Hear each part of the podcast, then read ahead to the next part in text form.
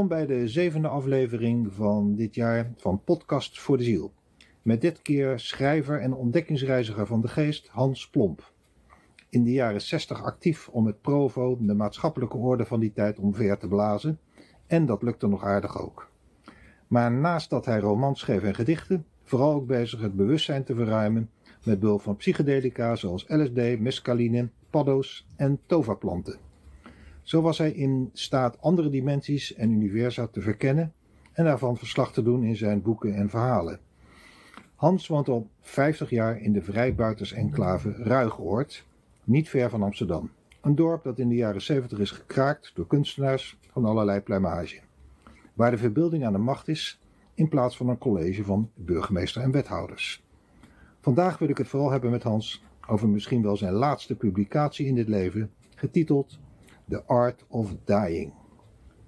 Ja, Hans, want laten we er maar niet omheen draaien. Nee, Het, het is zover, zo'n geloof ik, hè, zo'n beetje. ik denk het wel, ja. Ik kon eh, gisteren opeens niet meer lopen. Ja, dan eh, is het natuurlijk even een schrik. Maar ja, dat is natuurlijk heel ingrijpend. Ja, want je had dus, het begon met pro- prostaatkanker, geloof ik. Ik begon met prostaatkanker en toen het eh, geconstateerd werd, was het al uitgezaaid. Mhm. Dus eh, ja, dat was behoorlijk ver. En eh, in de botten. En eh, dat schijnt normaal te zijn, dat het via de botten gaat. Wist ik ook niet. Aha. Weet je goed? Ja, ja. Oké. En ehm, eh, nou ja, toen ging ik toch een soort. ik weigerde chemo in eerste instantie. En ze hadden nog iets anders, een soort microdosering Ja, pillen. Dus dan neem je iedere dag een chemopil, zal ik maar zeggen. ja. Nou, en dat heeft toch twee jaar goed gewerkt, min of Mhm. meer. Totdat een paar maanden geleden opeens een eh, PSA-waarde, zo heet het dan bij prostaatkanker, als die weer eh, opspeelt, dan kunnen ze dat in je bloed zien. Ja, Dat noemen ze PSA. Totdat, eh, ja, eigenlijk twee maanden geleden mijn PSA weer begon te stijgen. ja. Dat betekende dat die pillen uitgewerkt waren. Mhm. En eh, ja, zij hadden dan alleen nog eigenlijk de chemo. Of zij, doe ik dan de reguliere geneeskunde, de chemo. Ja, En eh, ja, ik gebruik zelf allerlei alternatieve dingen die ook alleen maar goed zijn hoor. Zoals eh tarwegras en, eh, en knoflook en geneeskrachtige paddenstoelen. Dat soort dingen die gebruik ik wel, maar ja, dat is toch niet sterk genoeg om... eh, en dus je bent al twee jaar zit je in dit eh, proces, zou ik maar zeggen, ja, van de ziekte. Wauw. ja, ja. En nu is het eh, het einde nabij, zullen we maar zeggen zoals het is. hè? Ja, ja, ja, ja, ja, dat denk ik wel. Want je vertelt me, je hebt zelfs al plannen, geloof ik, zei je, Ik eh, hoop op mijn verjaardag eruit te kunnen stappen als ik dan nog leef. 27 januari. 29. 29, ah ja, oké. Ja, ja, ja, ja, En dan krijg je daar hulp bij? Ja, euthanasie natuurlijk. Ah ja, oké. Het is, eh, ik heb het al besproken. Ik heb een hele lieve huisarts die zegt, nou, dat gaan we gewoon doen. Als het zover is als jij dat wil. Ja. Nou is natuurlijk het opmerkelijke, eh, dat blijkt ook uit je eh, boekje The Art of Dying, dat je er eigenlijk helemaal niet tegenop ziet hè, om dit eh, leven te verlaten. Het valt me ook mee van mezelf. Ik kan wel een boekje schrijven, maar ja, eh, dit is toch... eh the proof of the pudding is in the eating. Ja, Dus eh, ja, nu, en ik merk gewoon dat ik er heel eh, luchtig over ben. Aan de ene kant heel blij. Aan de andere kant wel natuurlijk verdriet. Maar het is vooral een Masha, mijn lieve geliefde, die, ja, die het eigenlijk veel moeilijker vindt dan ik. Want die blijft straks alleen achter en eh, dan liggen we niet meer samen een kopje koffie te drinken. Maar goed, laat ik dat even rusten. Maar ja, ik ben een hele, ja, ik denk eigenlijk van, verdorie, nou, ik ben ontzettend geprivilegeerd man ja. bijna 80. Aha. Geweldige liefde gevonden. Op late De leeftijd. jaren van Ja. leven. Ruigoord bloeit als nooit tevoren. Ja. En ik heb het gevoel dat ik mijn, mijn boodschap, als ik het zo mag zeggen, eh, heb kunnen brengen. Vooral in dat laatste boekje. Ja. Ook wel in mijn andere boeken hoor. Maar het, eh, in dat laatste boekje is het echt helemaal daarop gericht en uitgekristalliseerd. Ja, Nou, En- is, ik ben echt een ontzettend dankbaar. en daar wil ik het graag over hebben. Ehm, je hebt, zo schrijf je in dat boekje, vertrouwen dat je zult slagen voor de test om naar een hoger niveau van bewustzijn eh, te stijgen. Hè? Ja, En dat je gelijkgestemde geesten zult ontmoeten in het nirvana. ja. Waar komt dat zo- vertrouwen vandaan? Nou ja, dat is natuurlijk moeilijk. eh, eh, kijk, ik denk dat je altijd in het leven de, de, de voorbeelden zoekt die op een of andere manier aansluiten bij jouw visie. Ik wil iedereen, de hele mensheid kan slecht zijn, de mensheid kunnen deugen, ik wil alles. En ja, hoe dat nou komt dat ik echt eh, op zoek ben gegaan naar, eh, naar lichtpunten en daar mijn energie in gestoken heb. Lichtpunten in dit toch wel heel moeilijk uh, aardse bestaan voor veel mensen. Ja, voor mij niet deze keer. Mhm. Maar in mijn vorig leven ben ik vergast, dus dat was wel even een andere koek Ja, met mijn kindje. Dus ik, ja, ik voel me gewoon wat dat betreft eh, super dankbaar. Hoe ik dat weet, al sla je me dood. nou ja, je, niet waarom ik dat weet. eh, Een ehm, innerlijke zekerheid. En zo, nou, maar je hebt natuurlijk ook ervaring, je hebt ehm, contact gehad met Simon Vinkoog bijvoorbeeld. hè? niet En, wat alleen die, met Simon hoor, maar ook met andere En wat- vrienden. en wat lieten die jou zien of wat vertelden zij over het leven daar? Nou ja, staat allemaal in dat boekje, zal ik maar zeggen. Maar het, het belangrijkste sleutel is, er is geen God of, eh, of een, iemand, eh, een boek met een kerfstok van wat je allemaal gedaan hebt. Nee, je wordt geconfronteerd met je eigen black box. En dat is je geweten. En dat is natuurlijk iets waar we maar een vaag begrip over hebben in het Westen. Mhm. Maar waar heel veel culturen op gebaseerd zijn. Hè, dat draait allemaal om geld en winst en eer. Maar goed, eh, dat is je geweten. Dus je komt eigenlijk jezelf tegen. Namelijk eh, Ja. wat ieder mens volgens mij eigenlijk weet. Maar waartoe eh, alle, staan, bijna alle restaande religies hun uiterste best doen om dat eh, te verhullen.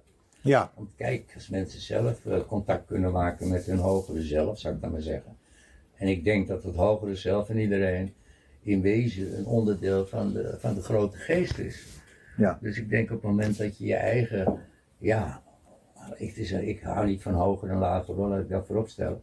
Maar ja, je voelt het wel als je, eh, als je verlicht bezig bent. Het is toch iets heel anders dan wanneer je jaloers of... eh, dus je voelt gewoon toch wel het verschil in niveau van, eh, ja, van waar je mee bezig bent en wat je schrijft. Ja. en anderen voelden het ook, want ik werd eigenlijk prompt de literatuur uitgeschopt. En ik over dat soort. Maar ik wil het even hebben over eh, Simon Vinkoog. Hè? Ja, ja. Die had, eh, voordat hij zelf ging hemelen, met jou een afspraak gemaakt. Ja, En wat had hij, wat had hij afgesproken? eh, dat hij zou proberen om door te komen.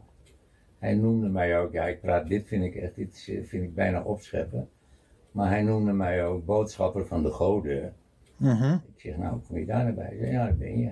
Oh, nou. Nee, hij is ook niet de eerste de beste, of was ook niet de eerste de beste. Maar eh, ja, we hadden dus afgesproken dat we een poging zouden wagen. Ja, en eh, dat gebeurde dus ook, hè? En dat gebeurde eigenlijk op zijn initiatief. Ja, Ik heb het later eh, daarna nog wel een paar keer contact gemaakt, maar dat was dan op mijn initiatief. maar wat vertelde hij toen hij eenmaal daar was? Wat liet hij zien of wat, hoe, wat, hoe beschreef hij zijn omgeving? Hij liet eigenlijk zien dat daar de verbeelding aan de macht is.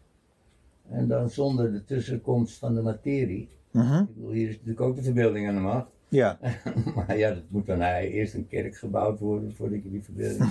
Of eerst een eh, atoombom bedenken voordat je die verbeelding. Maar in die wereld, in die dimensie, is meteen, ja, eigenlijk, ja, het, het, doet enorm denken. Ik weet dat veel mensen het misschien niet hebben meegemaakt, maar aan een trip of aan een psychose. Want als je tript, ja, dan heb je hopelijk een, een mooie trip. En dan, ja, dan zie je dingen die je normaal niet ziet. En tijdens psychose heb je een hele nare trip. en zie je ook dingen die je normaal niet ziet. Maar eh, daar heb ik dus eigenlijk geleerd dat er een wereld bestaat die heel overtuigend is. Eigenlijk nog overtuigender dan eh, dan deze wereld. deze wereld in de krant en de media. Kun je stellen dat ehm, eh, je innerlijk eigenlijk weerspiegeld wordt in, het, in, eh, in je uiterlijke omgeving? Ja, daar ben ik eigenlijk wel van overtuigd. Ook door, door wat er in Ruigoord gebeurd is. Ja, dat kan eigenlijk niet dat we hier een, eh, zo'n dorpje hebben te midden van het zwaarst beveiligde gebied van de Amsterdamse industrie. Ja. Eh, eigenlijk had hier een hek moeten staan. Mhm. En bewakers, net zoals hier naast onze buren, die met autootjes eh heen en weer rijden. Ja. of er geen Palestijnen met raketten liggen, want die schiet natuurlijk zo zijn ding weg. Maar je bedoelt eigenlijk, je stelt het je voor dat zoiets kan gebeuren. Je, je imagineert het als het ware en dan gebeurt het ook. Nou, zover wil ik niet gaan, want ik ben heel voorzichtig en bescheiden. Kijk, als je denkt wat ik, wat ik denk dat gaat gebeuren, dat is, zo simpel is het niet. Er is ook, kijk, ik, ik merk in mijn eigen bewustzijn dat er altijd een bewustzijn was wat zei van ja, dat duurt niet zo lang meer en dat, dat. Dus wat eigenlijk negatiever was dan ik hoopte. Ja, Ik bedoel niet dat het, gewoon het duurt niet zo lang meer, je bent heel erg ziek. En een ander bewustzijn wat ja, gewoon zich daar helemaal niet aan stoort en misschien nog wel jaren doorgaat. En het blijkt dus dat dat bewustzijn wat een beetje negatief was, in mijn geval dus toch wel realistischer was, in ieder geval wat deze ziekte betreft. Mhm. Gelukkig niet wat Ruigo betreft. nee, want hier is natuurlijk... Maar nog even over de Ja. andere dimensie, Ja. daar gaat het nu over. Ja. Is, eh, eh, je schrijft in de Art of Dying dat we zijn niet ons lichaam, niet onze gevoelens en niet onze gedachten. Wat zijn we wel? Eh, nou ja, dat vond ik ook moeilijk te formuleren, maar gelukkig dat in het boeddhisme een vrij scherpe formulering bestaat. Mhm. Je bent dat wat zich bewust is Mhm. van, van, van je lichaam, van je gevoel, van je gedachten. Want ik heb er wel die gedachten van mij, ja, dat is natuurlijk eh, voor een groot deel een potje, weet je wel. Bij iedereen, denk ik. Met iedereen, Maar het is dus bewustzijn van het bewustzijn. eigenlijk wel. Of bewustzijn van het onbewustzijn misschien eerder. Maar het is bewustzijn van wat er in je omgaat en wat je voelt. En ja, op dat moment kan je het ook corrigeren. Ik kan mijn gedachten stopzetten. Het komt heel vaak voor, bijvoorbeeld als ik in de tram zie en ik zie daar een, eh, een grote auto met een man met een gouden ketting om. Dan denk ik, oh, daar heb je weer zo'n coke dealer. En dan kijk ik nog een keer en denk nee, waarschijnlijk is het gewoon een succesvolle hip-hopzanger. en hou op met die nare gedachtenspoor. Ja, ja, Dus ja. dan kan ik mezelf echt wel stoppen. Haal, haal het oordeel weg Haal eigenlijk het ook. oordeel weg. Je schrijft, in de, want je schrijft het allemaal in het Engels. Consciousness creates awareness. Ja. En wat is het verschil tussen consciousness en awareness? Ja, dat is een moeilijk iets. Ik denk dat. eh, ik heb het gevoel dat. Ja, misschien is het andersom hoor. Je kunt misschien ook zeggen: awareness creates consciousness. Maar ik heb het gevoel dat, laten we zeggen, een, een ervaring die ik bijvoorbeeld kan meemaken, eh, al of niet eh, met behulp van iets, of eh, dat die ervaring die dan op een moment plaatsvindt, die kan leiden tot een, nou ja, consciousness is natuurlijk ook bewustzijn, tot een bewustzijn wat niet meer weggaat. Dat bedoel ik eigenlijk. Het ene is het moment van wauw, Eureka, ik zie het. En het andere is eh, het niveau van, ja, van bewustzijn, wat daardoor eigenlijk ja, niet meer weg te branden is. Het is eigenlijk de erkenning. Eigenlijk is Van de de erkenning en de realisatie daarvan. Ja. Ehm, je schrijft ook dat we zijn een vonk van de universele spirit. Ja. Maar sommigen van ons hebben de mogelijkheid om direct te communiceren met de eeuwige bron van wijsheid en liefde. Ja. Had jij, dat, eh, had jij die mogelijkheid? Of heb jij die mogelijkheid? Ja, nou ja, ik ben geen bewust medium, of ik heb dat ook niet bewust gezocht, maar mijn moeder vertelde me dat ik al op mijn vierde jaar s'nachts lag te praten met onzichtbare, met, met mensen Mhm. die, niet, die van mijn ouders niet zichtbaar waren. Nou, dat vonden ze verontrustend.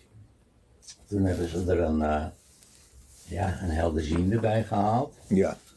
En die vertelde dat in dat huis waar hij woonde, dat daar een verschrikkelijk, eh, verschrikkelijk iets was gebeurd in de oorlog. Namelijk twee Joodse vrouwen die heel populair waren in de buurt. Wij spreken tante Leentje en tante Jopie. Die zijn gillend uit hun huis gesleept in de oorlog.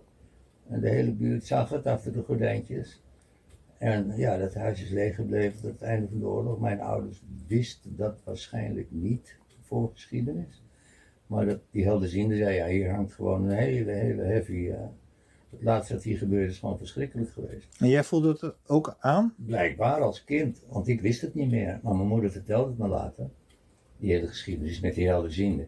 En die helderziende zijn, ja, die mensen zijn vermoord, die twee dames. Maar die hebben niet los kunnen laten. Die zwerven rond en veel geesten die nog niet echt, eh, ja, hoe dan ook, dat los kunnen laten. Die keren toch vaak, vaak terug naar de plek waar ze het laatst geweest zijn. Als je tenminste de spookverhalen mag geloven. Mhm. En in dit geval was het dus zo, ze kwamen terug naar hun huis en ik zag ze. En eh, ik denk dat ze voornamelijk treurig waren en verbijsterd. Misschien ook wel verbaasd dat er een ander jongetje in hun bed lag. Maar goed, dat kan ik niet allemaal niet peilen. maar uh, ja, die helderziende heeft toen contact opgenomen met die twee geesten, die vrouwen. En gezegd, ja, dat is, kom op, ga door, je bent nu daar, het heeft geen zin om steeds terug te komen Ja, ja, ja. plek des onheils. Ja. Laat het los. En sindsdien, zei mijn moeder, heb ik ook niet meer eh, daar last van gehad. Dus dat was voor mij eigenlijk het eerste bewijs, dat zonder dat ik me daar nou echt van bewust was, dat ik misschien een bepaald mediamiek eh, talent had of zo. En dat kwam natuurlijk ook later meer tot uiting toen je allerlei middelen ging gebruiken. Absoluut, ja.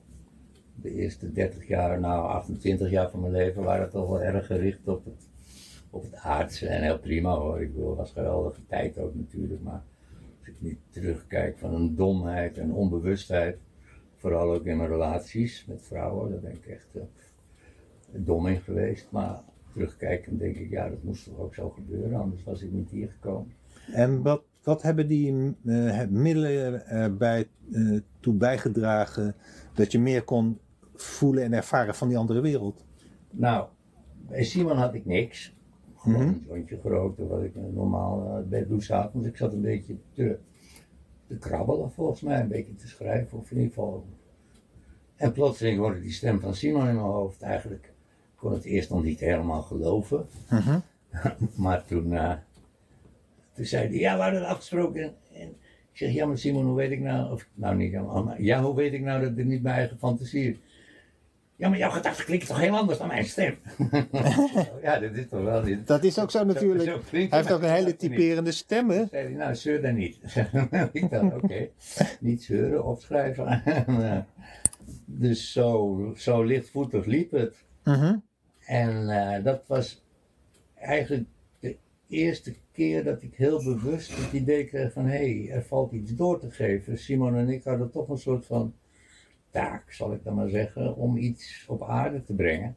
Zonder flauwekul van Messias en dat soort onzin. En, Maar Hans, je had natuurlijk al, dat bedoel, het zegt dat jij eh, door het gebruik van eh, wat jij noemt toverplanten, psychedel, je had natuurlijk al een kijkje genomen eh, Ja. in die andere. En wat, zag, wat ervaarde je toen? Wat zag je?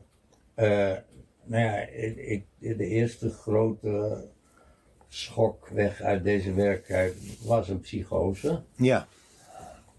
Dus daar heb ik echt vier maanden lang eh, ja, rondgezworven in mijn eigen eh, verbeelding. Eh, maar ja, de verbeelding is de sleutel. Heb ik Dus dat was niet zo'n positieve ervaring. Nee, dat was het kantje boord. Ik bedoel, Je bent toen opgenomen geweest, geloof ik ook. nog. net niet. Net niet. Ah, Nee, oké. Mijn ouders kwamen Mhm. Mijn vrienden zorgden voor me, onder andere Johannes van Dam. Dat was een goede vriend en die waren eigenlijk dag en nacht betrokken, want ik, ja, er was geen pijl op mij te trekken. Ik liep gewoon in mijn blote kont de straat op als ik, eh, als ik eh, Maar had je later ook ehm, eh, meer positieve ervaringen dat je kon rondkijken in die andere dimensie? Wat er gebeurd is in eerste instantie, is dat ik allerlei vorige levens voorgeschoteld kreeg. Ja, En dat was allemaal niet even leuk. Oké. Ik bedoel, die gaskamer was de eerste. Ik heb eerst twee weken in een concentratiekamp gezeten in mijn psychose. Ja. Nou, en dat was echter dan de muren of, of, of, of, of een kroket. Het was gewoon, dat was de, de werkelijkheid. Ik kon Ja. geen onderscheid mee maken. Als iemand die niet zag, werd ik ook boos. Ik zei, je bent er niet blind? Kijk dan, er lopen, er lopen Duitse soldaten op straat. Ja. Nou ja, bij wijze van spreken. Eh, dus dat was best heel moeilijk, maar eh, het was ook fantastisch. Er waren ook momenten van grote extase. Dus ja, dat heb je wel vaak bij psychoses, geloof ik. Hè? Hm. Hemelhoog Ja. zijn betrübt. Dat was nou niet echt een psychose, maar die romantiek was toch een klein beetje eh, tegen die eh, kant aan. Maar eh, dat waren dus, was, had dus eigenlijk niet zoveel te maken met die periode tussen de levens. Het waren eigenlijk de levens zelf en dan eventueel de manier waarop ik doodging nog. Maar van wat er daartussenin gebeurde, ja, dat was heel moeilijk om daar iets over te weten te komen. Want er zit blijkbaar een, eh een dinges op, een lok, Dat hoor je ook wel. Dat mensen eigenlijk voordat ze geboren worden een soort voorschouw krijgen. Ja. En dat, dat moeten ze dan wel vergeten hoor. Mhm. Want anders is het natuurlijk niet leuk als je de hele tijd achter je eigen voorschouw aan loopt te rennen. En dat je al weet van oh straks zag ik een ongeluk en oh, dat is niet, je mag dat niet weten. Ja. Dus wat eigenlijk is die, eh, eh, dat gesprek met Simon is voor het eerst dat ik ja, direct contact had met iemand die tussen die twee levens in zit. En misschien wel het echte leven beleven. Dat, maar ehm, ja, dat was de eerste keer. En daarna ben ik het bewuster gaan zoeken. Mhm. Dat was ook wel heel instructief. Ja. Eén keer wist ik het niet. Wat er ging gebeuren, had ik gewoon LSD genomen. Ja. Op een feestje bij eh, goede vrienden van me. Mhm. De familie Lodijzen. Die trek ik nou maar in deze podcast. Maar Dat, dat mag, ja. En eh, op een feestje bij goede, de familie Lodijzen. En ik was heel goed bevriend met hun vader, Frank Lodijzen. Mhm. de kunstenaar. En die geloofde nergens in. En ehm, ja, we hadden allemaal LSD genomen daar in, in het huis van die kinderen van Lodijzen. En opeens kreeg ik het gevoel van, ja, ik moet even weg hier uit het feest. Ik moet een rustig hoekje zoeken, want ja, er is iets wat, wat, wat zich wil manifesteren. Dus ik ben toen ergens in een rustig hoekje gaan zitten. En toen, tot mijn verbijstering, Hans, Hans. Ik zeg, wat krijgen wij nou? Ben jij dat, Frank? Frank Lodijs. Ja, ik ben het. Ik zeg, nou, dat is boeiend, want je gelooft het al nergens in. Ik was echt van overtuigd, er is helemaal niks, flauwekul. En, en, en nou ben je hier dus, hoe zit dat? Ja, ja, dat heeft mij nooit afgevraagd. Ja, hoe zit dat? Ik zeg, en waar ben je dan? Hij zegt, nou, het is verschrikkelijk, ik zit in limbo. En in limbo betekent dat je blijkbaar helemaal alleen bent en niks alleen maar mist. Alleen maar er is niets Ja. waarneemt. Mhm. Ik zei, nou Frank, en zijn, hij, de laatste jaren van zijn leven waren best zwaar.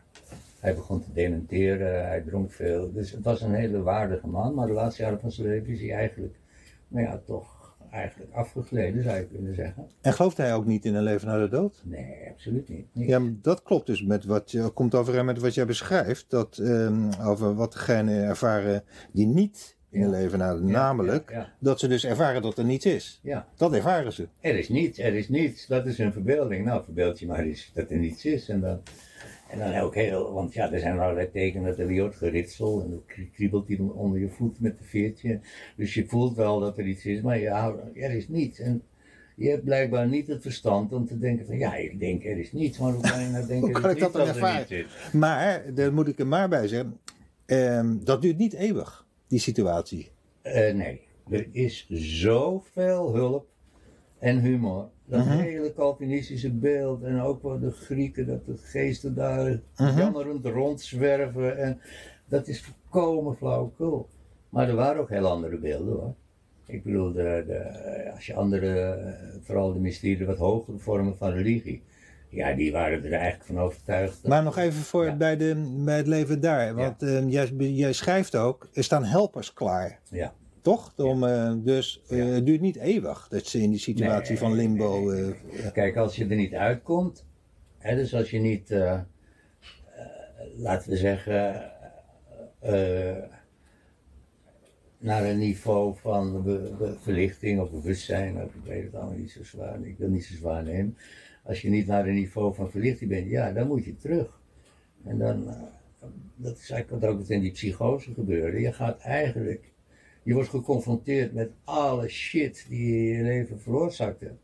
Maar ook met de- hoe moeilijk het is om dat niet te doen. En de dingen die je probeert te conditioneren. En die godverdomde kerk en eh, weet ik wat allemaal. Maar eh, dan, heb- je het in feite over het oordeel, hè, wat, wat in christelijke, in veel religies als een soort Ja, vernietigende Ja, ja.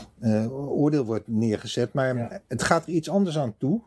Schrijf je ook in Art of Dying. Het is ontzettend lichtvoetig. Lichtvoetig en eh, een kernpunt lijkt me dat je ervaart wat je de ander hebt aangedaan. Dat is een kernpunt, ja.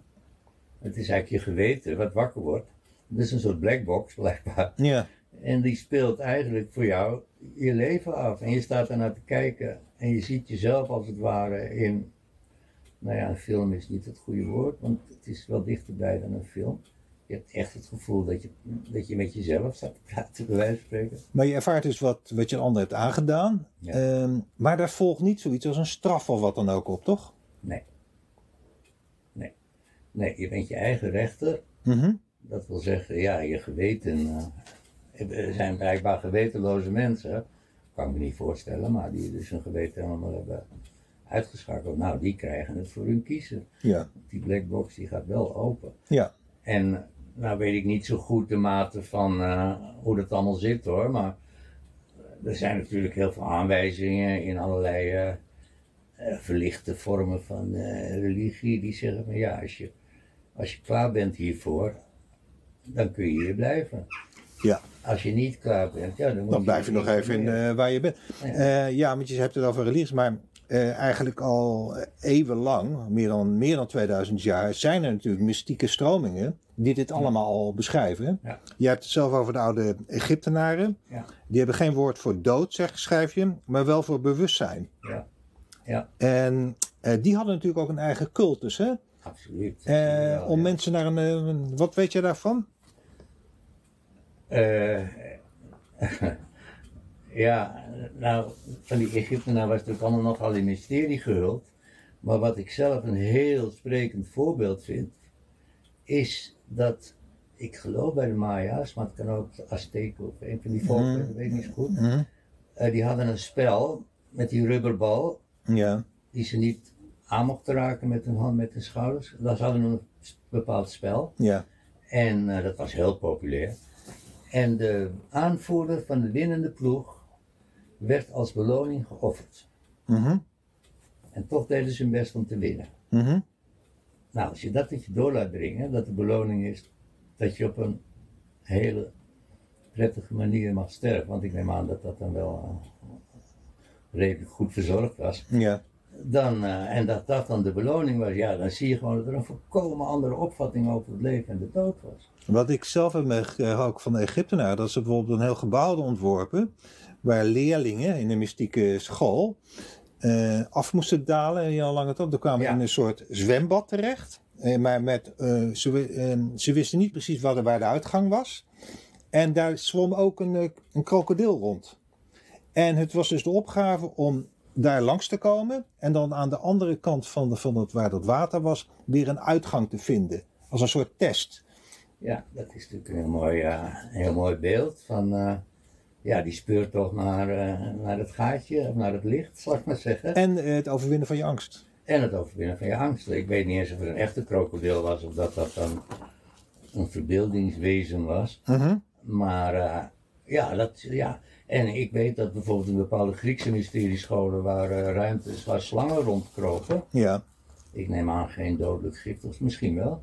En daar kreeg je dan een trip, daar tussen die slangen lag. Mhm. Nou, en dan eh, werd je met toch een, eh, een stelletje verlicht. Want slangen waren heilig, hè, vroeger. Dus pas in de paradijsvloed dat Ja. onze lieve Heer het verbond tussen de wijze slang, de genezende slang die we nog in de Esquilaat terugvinden, Ja. En, en, on, en de mens eh, heeft verbroken op een gruwelijke manier. Ik zal het de kop vermorselen, zegt eh, Maar het is wel opmerkelijk dat al zo lang geleden, duizenden jaren, mensen heel goed op de hoogte waren wat bewustzijn is. ja. Hoe je, dat ze zelfs niet over de dood spraken. Nee. En nou, jij gaat het natuurlijk nu zelf meemaken dat de dood in feite niet bestaat. Ja. En Geboorte, bij wijze van spreken, zo voel ik het wel. jij citeert iemand die zegt, je doet gewoon een jas uit. Hè? Ja, Dat is toch... eh, ja, het gekke is, als je goed kijkt, dan, hè, volgens onze eh, westerse maatstaven is dit de crown of creation, de top van de vooruitgang. Verder kunnen we bijna niet komen als mensen, zeggen ze. Terwijl als je anders kijkt, dan zie je dat dit een dieptepunt is van bewustzijn. Als je bij shamanistische culturen, natuurvolken, Egyptenaren, overal, voordat het patriarchaat toeslaat, is vrijwel, volgens mij, ja, het is allemaal niet zo goed te, te vinden. Maar volgens mij zijn eigenlijk alle religieuze, ik hou niet van het woord, maar alle eh, spirituele stromingen voor eh, dat het patriarchaat toesloeg. En dat was ongeveer 2000 voor Christus. Eh, die waren gericht op kennis van, ja, van het hiernamaals. Van, van het hierna, van het bewustzijn. En die shamanen die gebruikten natuurlijk ook van alles. Ja. En die heksenverbranding, dat was allemaal daarmee verwant. Nee, dat, dat, is- dat is duidelijk. Al Zo lang was, was die kennis, eigenlijk is die kennis later wat weggevloeid. Of alleen bij hele kleine groepen. Onderdrukt zelfs. Maar Hans, als je dus ehm, de jas uitdoet, Ja, hè, laten we het zo maar even noemen. Dan word je, wat jij ook beschrijft, een astraal lichaam. ja. Toch? Nou ja, zo heet dat, ja, ja, ja, ja. En dan kan je dus, eh, is daar ook nog sprake van vrije wil? Eh, volgens mij is het één grote vrije wil. Er is Ja? niets anders dan vrije wil. Welke kant je ook op gaat. Maar ja, uiteindelijk eh, zoekt die wil dan toch de, de schoonheid, de humor, de vreugde, de liefde, de vriendschap. Tenminste, dat heb ik gemerkt. Als je dat kunt loslaten, al die kritiek. Mhm. Hoewel dat ik kritiek heb op allerlei shit in de wereld. Als je dat kunt loslaten als, als motor. Wat de media niet kunnen en wat eh, de meeste mensen niet kunnen, die hebben het alleen maar over de narigheid. Ja. Als je dat, ja, als je dat kunt loslaten, dan, dan blijft er heel veel over. En er is ook heel veel geweest. Maar ja, het voorbeeld dat ik uit literatuur gegooid werd. En dat zelfs mensen in het dorp van dat boekje gezegd hebben. Ah jongen, allemaal flauwekul. Allemaal flauwekul. Over welk boekje? Art of Dying, ja, nou ja. Zelfs hier. Mijn beste vriend. Hans, nog even dan over ehm, die overgang. Hè? Eh, je hebt het nu over, ehm, we hebben het over het astrale lichaam. Ja. Godsdiensten die hebben daar natuurlijk een soort parodie van gemaakt. Hè? Dat er alleen maar hel en verdoemenis op je wacht als je niet ja, doet wat, eh, Ja, wat de priesters, zal ik maar zeggen, zeggen. Maar de kernpunt is dus eh, vrije wil. Ja. Maar een ander kernpunt, is wat je ook beschrijft, is ehm, liefde. Ja. Toch? Dat is uiteindelijk de enige, eh, ja, hoe moet je het noemen? Een stemming, een staat van bewustzijn. Liefde, en ja, dat, je, dat is ook het mooie. Liefde is gewoon een babytje. eh, Een, een, een, hoe moet je het noemen? Een putjeschepper. Dat, kan, dat heeft helemaal niets te maken verder met, eh, met spirituele ontwikkeling. En je komt liefde tegen in de meest eenvoudige eh, gebeurtenissen tussen een mens en zijn hondje. Of dus ik ben heel blij dat er behalve bewustzijn, en dat komt in het boek ook naar boven. Het is heel belangrijk om die kennis te hebben. Maar het allerbelangrijkste is liefde. Jij eh, citeert Lao Tse, die zei: Ik ben ouder dan de wereld. Als je me probeert te begrijpen, zul je falen. Als je me wilt vinden, kijk in je hart. Ja. ja. Dat is het. En wat Crowley ook schrijft, die maffe Crowley, Aleid Crowley. Ja. Zwarte magie, eerste klas. Maar goed, ik zie ook allerlei glimpjes. Leuk en humor, maar ja, hij was een junk, dus ja, dan blijft er nou niet zoveel licht over. Maar die schrijft, eh, when it comes to any serious odds, the mind plays second fiddle to the heart. Damned lucky that we happen to be gods. dat vind ik zo leuk. Ehm, de tegenpool van liefde en wijsheid is. ehm, nee, jij, noemt, jij ziet dat in de vorm van de kwade godin Kali. Daar heb je het over. En als, als het dus is in tegendeel verkeerd, liefde, dan krijg je dus wat we nu om, om je heen, wat we om ons heen zien eh, op de wereld. Ja, Eh, poolijs dat smelt, vulkanen die tot uitbarsting komen, epidemieën. Ja. Eh, dus dat is de tegenhanger. ja. En dus het is ook een uitdrukking van, van dat negatieve gevoel. Nou ja, dat is wat de Hindoes zeggen. Ik, durf dat soort stappen ook niet zomaar op eigen houtje te zetten. Mhm. De Hindoes zeggen dus, want eh, de Kali is eigenlijk de geliefde van Shiva. Shiva Parvati, dat is een, eh, ja, een bekend stel in de Hindoe-religie. Mhm. Maar als dus er niet genoeg ruimte meer is voor liefde op de wereld, of positieve krachten, als de demonen het overnemen, dan wordt Parvati boos en die verandert in Kali. En dat gaat heel ver, dat de goden trekken bijna haar uit hun hoofd, want het is gewoon woedend wat er nu in Gaza gebeurt. Gewoon een bloed, eh, bloed voor je ogen en woedend. En dan stort ze zich op, eh, op de demonen. Mhm.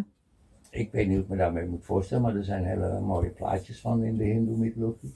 Ja. En, ehm, en dan is ze zo bloeddorstig dat ze niet meer op kan houden. Dus als ze dan bij wijze van spreken de laatste demon verslagen heeft, dan begint ze aan een normaal klootzakje. Van, ja, jou moet ik ook nog hebben. En die goden, ik bedoel, dit een verhaal hè. Die goden die kijken toe vanuit de hemel van, hé ja, dat is wel, het is wel heel mooi dat er weer eh, ruimte komt voor het positieve, maar dit gaat wel heel ver. Het is eigenlijk net als Demeter, die om haar dochter Persephone treurt en dan de hele aarde laat verdorren.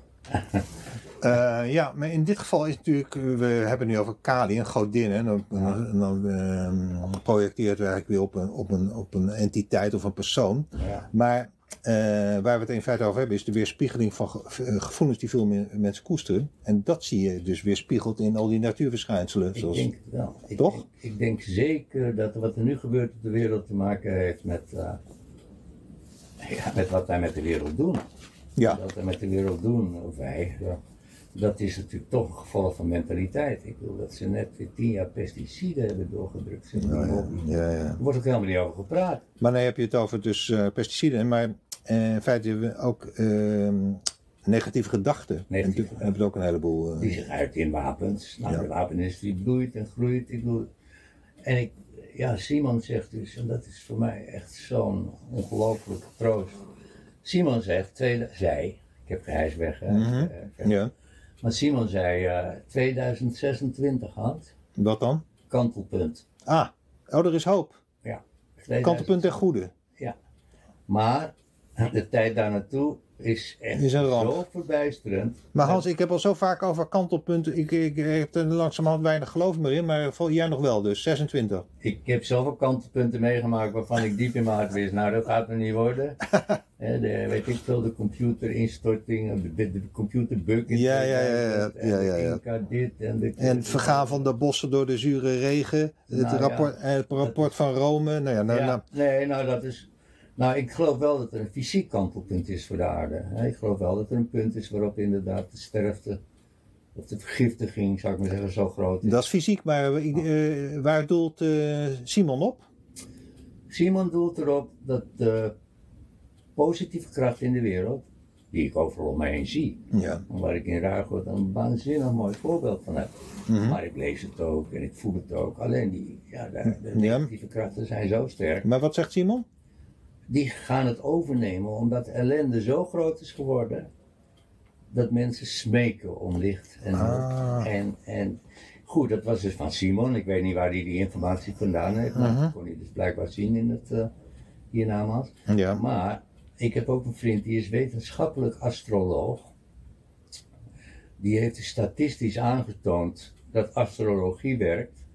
En ook door wetenschap erkennen, maar ja, dat is allemaal een beetje, ja, dat is allemaal zo. En die heeft laten zien, door duizenden jaren geschiedenis, heeft hij onderzocht. En duizenden jaren de loop van de planeten daar, eh, daarboven gezet. En die heeft laten zien dat in duizenden jaren, en ik weet niet precies hoe het zit, maar bij wijze van spreken, als Saturnus conjunctuur Pluto staat, dat er dan hier een tijd van oorlog en waanzin is. Dus wat er nu gebeurt. Dat is wat er nu gebeurt. En Pluto is ook trouwens net te warm, ik weet er niet veel van. Maar die zei tegen mij, helemaal onafhankelijk van Simon van Hans. Het is bijna niet te geloven, maar in 2026 staan de sterren weer net zoals vlak voor de renaissance en vlak voor eh, andere grote bloeiperioden. Nou, ik ben blij dat je toch nog wat bemoedigend eh, Ja. nieuws hebt uit Ja. andere dimensies. Ik geloof daar heilig in. Maar Hans, hierop aansluitend, er is natuurlijk een andere manier. En dat schrijf- beschrijf je zelf ook, dat we hier op aarde al veel kunnen ervaren van wat die vijfde dimensie is, door ehm, te werken met je ego. Ja. En eh, jij noemt, ik, ik, neem ook aan de meditatie. Ja, nou ben ik niet zo'n zo'n technisch aanpakker hoor. Het is bij mij toch vaak meer spontaan. Ik, ik doe wel een half uurtje per week aan meditatie. Maar, eh, Maar wat zijn manieren om je ego te ontstijgen? Ehm, ehm, ja, voor mij, ik moet dat wel bekennen, hoewel ik daarmee toch veel mensen misschien tegen de haren instrek. Hm. Hoewel Masha niet. Masha heeft nooit iets gebruikt en die is veel verder dan ik op Ja. veel gebieden. Het is geen voorwaarde dus, Dus ja. ze zegt, ik, zij zegt, ja, ik heb het gewoon meegebracht. Ik weet het gewoon. Dan hoef ik niet voor de ze is ook wel psychotisch geweest hoor, dus het is niet zomaar gekomen. Nou, wat is jouw manier? Ehm, het was eh, het trippen Ja. en het is nu eerder een vorm van bewust concentreren Op? op. Nou, bijvoorbeeld zei ik toen Theo Klei doodging, ook een oude belangrijke ruigorde, een speler Mhm. in het spel van de 60s. Ja. En toen, eh, die eh, van de trap gevallen, in ieder geval, die lag onderaan de trap dood. Dus we weten niet of hij nou eerst een, had, iets had of dat hij zijn nek gebroken, weten ze niet. Maar goed, of, ja, weten ze misschien wel. Maar toen Theo Klei gestorven was, toen dacht ik na een paar dagen, nou, dat heb ik de laatste tijd wel vaker. Nou, toch eens kijken hoe het met hem is. En dan concentreer ik me. Theo, Theo, ben je daar? Ja, heel simpel. En toen kreeg ik een beeld, heel grappig, van Theo. Die lag op een soort wolk. En die was volkomen gelukkig. Hij had ook nog een graspriet in zijn mond. En hij dacht, oh wat is dit een heerlijk gevoel. Wat een geweldige droom heb ik nu. En toen was er een andere vriendin, die al lang overleden is, die ook een goede vriendin van hem was. En die zag hem voorbij drijven. Ik, kan me, ik, bedoel, ik weet niet precies hoe ik voor moet stellen, of zij op een ander wolkje stond, of weet ik veel wat. Die zag hem voorbij drijven op zijn wolkje, met die graskwiet. En die riep, hé hey, Theo, ben je daar? Theo, die zei, hé hey, mondje, hoe kan het nou? Je bent al dood? dat zei hij tegen haar. Ik dacht, oké, dit gaat goed.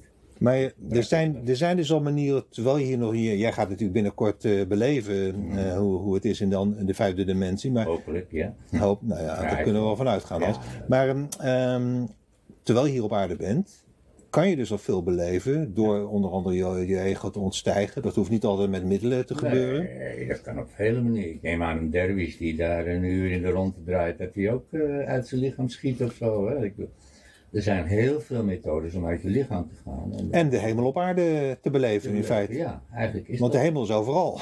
is, als je er maar- dimensie is overal. Ja. Alleen we zitten hier nu in een regime wat het allemaal probeert eh, ja, die, die, die deur op slot te houden. Ja, En als je dat niet doet, dan word je als heks verbrand, of je wordt als eh, wappie eh, uit de wetenschap gegooid, of als schrijver uit de literatuur, tot een verbazing. ja, Ik was echt verbaasd. ja, maar goed, dus het is al veel mogelijk voordat je. Er is leven voor de dood. Absoluut. Absoluut. Hans, ik wil je vragen om eh, twee gedichten voor te lezen. Ja. Eh, uit je bundel Dit is de beste aller tijden. Ja, dat was nog voor de COVID. Maar goed, daarna vond ik het zelf ook nog oké. maar werd het voor veel mensen wat moeilijker. Kun je beginnen met Laat mij. Ja, En heb je geen bril nodig? ja die heb ik. Oké, buiten ligt die? Oh ja, hier zo. Nou, dat je daar nou mee komt, want dat gedicht moet ik heel vaak aan denken de laatste tijd. Nou, dat is niet eh, toevallig, Hans. Nee, dat is ook niet toevallig. En aan J.C. Bloem, hè. Als ik wakker lig s'nachts, dan eh, denk ik aan de dood. Kan ik niet slapen. En niet slapend denk ik aan de dood. Een mooi van Bloem. nou, even kijken. Ja, je, eh, wil je ook de te- context weten van dat gedicht? Nee hoor, lees maar gewoon voor. Oké. Laat mij heet het. En er staat een citaat boven van Cat Stevens. En dat is? Dat was een beroemde popzanger. Ja, nee, maar de, wat is Oh, het citaat? Oké. My body has been my best friend. But I know I won't need it in the end. Ja, nou, dat ga jij meemaken, Hans. Ja. Nou, nu graag het gedicht. Ik wil dit lichaam niet meer. Pijn jaagde eruit. Benauwenis. Zoals een kind door weeën uit de baarmoeder gedreven wordt. Ik wil dit stoffelijk omhulsel afleggen. Zoals het vlies dat mij beschermde breken moest opdat ik geboren kon worden. Mhm. Ik kan niet verder in dit lichaam. Ooit een passend ruimtepak, nu een knellend keurslijf. Kom, raak me nog één keer aan. Laat me dan gaan uit dit bestaan. Fantastisch. Nou, Hans, ik raak je nog even aan met mijn koude handen. Koude Het is ongelooflijk dat je dit nu zo voorleest terwijl je hier ligt, hè? Ik Terwijl je dit het ervaart. ook- ik vind het ook weer echt. Ik ben echt ook weer. Ja, toch wel betoverd door wat er gebeurt. Ja. Het natuurlijk heel erg is allemaal. Maar het is. Ik kan niet helpen. Maar het is, zoals je dit beschrijft, zo is het. Hè? Je, het, ervaart de, de pijn, je Ja, lichaam. Ja. En dan je weet al van, nou, dit ga ik loslaten. Ja, Hè? ja. En er komt een punt dat je het ook wil. Ik, ik, als dit, deze pijn duurt, wat hij waarschijnlijk doet, ja, dan wil ik ook niet langer meer. Hans, ik wilde al jaren geleden eh, niet langer, terwijl ik helemaal geen pijn had. Maar En, en best wel een aangenaam leven. Omdat je toch, ja, je, als jij eenmaal weet waar je naartoe gaat, weet je wel, Ja. dan kan je soms niet wachten. Nee, nou ja, was je zo eh, optimistisch? Ja, ja, absoluut. Ja. Ja, maar dan ben jij ook een, eh, een geboren verlichter. Nou ja, Dat laten kan we. je niet weten, dat mag je Ga, niet weten. daar ga ik niet eh praten op. Nee. dan nog graag Maar nog het. ook- Wat wil ik even zeggen? Verlichten gaan er nooit praten over. Nee, kijk, dat is het punt. En dan graag nog het gedicht Levenskunst, pagina 29. Levenskunst voor Simon Vinkenhoog. Leven in de materie is de kleuterschool van het bewustzijn. Bidden in de hoop dat ergens iemand luistert. Bewustwording van eigen kern, zonder te vervallen in spirituele hoogmoed, dat is andere koek.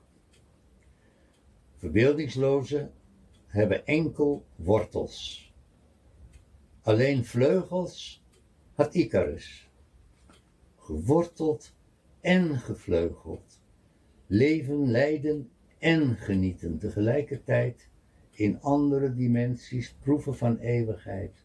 Overal en altijd. Hier en nu. Ik zou nog veel meer willen en kunnen vertellen. Een andere contact dat ik gehad heb met een overleden vriendin. Ja. Maar zij was een boeddhistische vrouw en ze heeft euthanasie gepleegd. Ja. Bewust. Mhm. En ehm, eh, nadat ze een paar dagen weg was, eh, dacht ik, ik waag een poging. Dus ik ben gaan zitten en Wilna, Wilna, Wilna, kan je me horen, kan je me horen? En opeens luid en duidelijk haar stem. Hans, je zult het niet geloven. Ik zeg, wat niet? Wat er met me gebeurd is en nog gebeurt. Je zult het niet geloven. Ik zei, nou wat dan Wilna? Ze zegt, weet je waar ik bij bewustzijn kwam? Ik zei, geen idee. Ze zei, in de kerk van Ruigoord. Oké. Maar dan in een andere dimensie. Ah. En, eh, en ik, ik, ik kwam bij bewustzijn. Ik dacht, oh god, ik ben te laat. Iedereen is weg. Die kerk was leeg.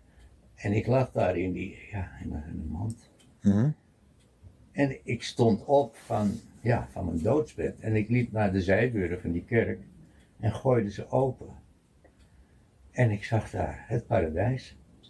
Daar stonden al die planten waar ik voor gevochten heb. Zij, zij was speciaal voor die planten toen Ruigoord geklepeld werd. Op die hele vlakte, natuurgebied eigenlijk toen al. Mhm. Werd geklepeld. En zij heeft voor alle planten die uitgeroeid zijn, daar heeft ze kruisjes neergezet met de namen van die planten. Dus je zag een heel kerkhofje van, van die planten Wauw. had zij gemaakt. En ze zegt, ik zag al die planten. Die stonden te wuiven naar me. Wilna, Wilna, je bent er, geweldig. Dat waren al die planten die ik had gered, die stonden daar. En toen, ik zei, kijk, die kant op naar die olietanks. En daar stond dat bij. En toen hoorde ik opeens roepen, hey Wilna, je bent er! En toen keek ik op zij en toen zag ik alle gestorven ruigoorders en vrienden en geliefden en geestplanten die daar in dat astrale ruigoord rond een astraal kampvuur zaten. En, en ze zei, toen begreep ik eigenlijk wat Plato bedoelde. Dat de werkelijkheid een schaduw, Schaduw is van, van, de, van, van, een, van, het, van het hogere van het ware leven. van het Ja. ware leven. En dat je dus eigenlijk in de materie ja, ja, naar beneden zakt om het, om, het, om het materieel te maken. Maar daar, ja, nou, ik kon het bijna niet. Ik zeg, Ruigoord, is dat echt een plek daar? Ze ja, natuurlijk, dat verbeelden we hier met z'n allen. En, dat, en daarom is het ook beschermd. En je moet niet vergeten, zei ze, dat kerken, tempels, in de tijden dat het allemaal nog een beetje klopte, die waren erop gericht om contact te maken met, met het hogere, Ja. met het goddelijke. of met het, eh, Dus je- jij zag ook het astrale ruigoord. ja. Wauw. En. Ja, ik, eh, daar praat ik eigenlijk nooit over hoor, want ja, dit is toch wel het toppunt. Maar goed, dat geeft toch wel een inzicht in de speciale plek die tempels en uh, En, die, die, en een plek als deze dus. Die, al en- deze ja, die ja, niet weg wilden. ja. Want de geschiedenis van Ruiger, zoals ik het meegemaakt is echt van dit eiland wilde gewoon niet verdwijnen. Al die eilanden hier in de polder die zijn ondergespoten, geen spoor meer van terug te vinden, autosloperijen en olietank. Maar dit eiland is het enige eiland in de, in de Zuiderzee, hè, was het toen, Mhm. wat niet weg wilde. En dat, dat hoorde ik ook. En die kerk was daar een symbool van. En we hebben later ook, eh, eh, want die kerk moest afgebroken worden. En later hebben we ook, toen we dat verhinderd hadden, met nee, de Noord-Hollandse wiggelroederlopers hier gehad. Op eigen verzoek van hun hoor. Mhm. En die ontdekten dat hier inderdaad een soort, eh, ja, leyline-achtig. Ja, ja. Soort, ah, ja, Dat is vaak, hè? dat is vaak. Maar jij, jij weet dus eigenlijk al dat jij in, in het hiernamaals ook het astrale ruigoord eh, zult zien. Ik wil geen claim leggen. Maar nee, nee, is geen claim, maar maar dat- die- kans is- niks verbazen als ik daar welkom geheten word door ja, alle mensen die hier een rol gespeeld hebben. Hoewel Simon dus heeft, ik weet het niet. Kijk, dat is ook, dat is ook niet permanent, die staat. Want Simon die zei... Die is alweer verder gegaan, ja, toch? die zei na een, eh, ik denk, nadat ik een paar maanden contact met hem had gehad, zei hij ja, ik kom nu nog als Simon Vinko. Dat betekent dat ik nog steeds vastzit aan mijn vorige leven. Ja. Maar degene die incarneerde als Simon Vinko, dat is iemand die al heel veel levens heeft meegemaakt. De ziel als het ware, Ja. die, al die al die levens Ja, hebben. En ik ga En- nu dus naar het stadium waarin, ik, waarin Simon Vinko maar een heel klein stukje was. Ja, ja. Maar ik kan niet meer contact maken als Simon Vinko. Die is alweer eh, verder. eh, Ja, die is Maar ja, jij zal er ook wel eh, later een kijkje gaan nemen, Hans. Dan kan je het zelf meemaken. Ik heb naar het ook dat ik het idee heb dat ik geslaagd ben voor dit examen. Dat wil zeggen dat ik niet meer terug hoef naar deze kleuterklas. Hm, Wat een opluchting. Nou. Hans, mag ik je hartelijk danken. Nou, je, het is een bemoedigend gesprek. Op Nou. de, hè? dat was ook. Je ligt nu in bed. Ja. Je weet al dat het einde is, maar eh, Ja. het is niet iets om over te treuren. Jongen, ik ben ook heel verbaasd dat ik me voel zoals ik me voel. Dus eigenlijk een soort van blijdschap aan één kant. Van, nou, ik heb het gered, ik heb het gered. Ik heb niet nog vlug iemand vermoord. Of, en 80 en het dorp en Masha en het boekie. Ja, jeetje, ik ben ook maar een eenvoudige boerenlul. En ik vind toch, ja, ik heb het gered. Ik voel het gewoon. En lachen, lachen, ook veel lachen hoor. Ja, nee, maar dat blijft doen. hey Hans, bedankt. Nou, niet te danken, lieve mensen. Ik hoop dat het eh, jullie allemaal zo mooi mag eh, overkomen als het mij nu overkomt.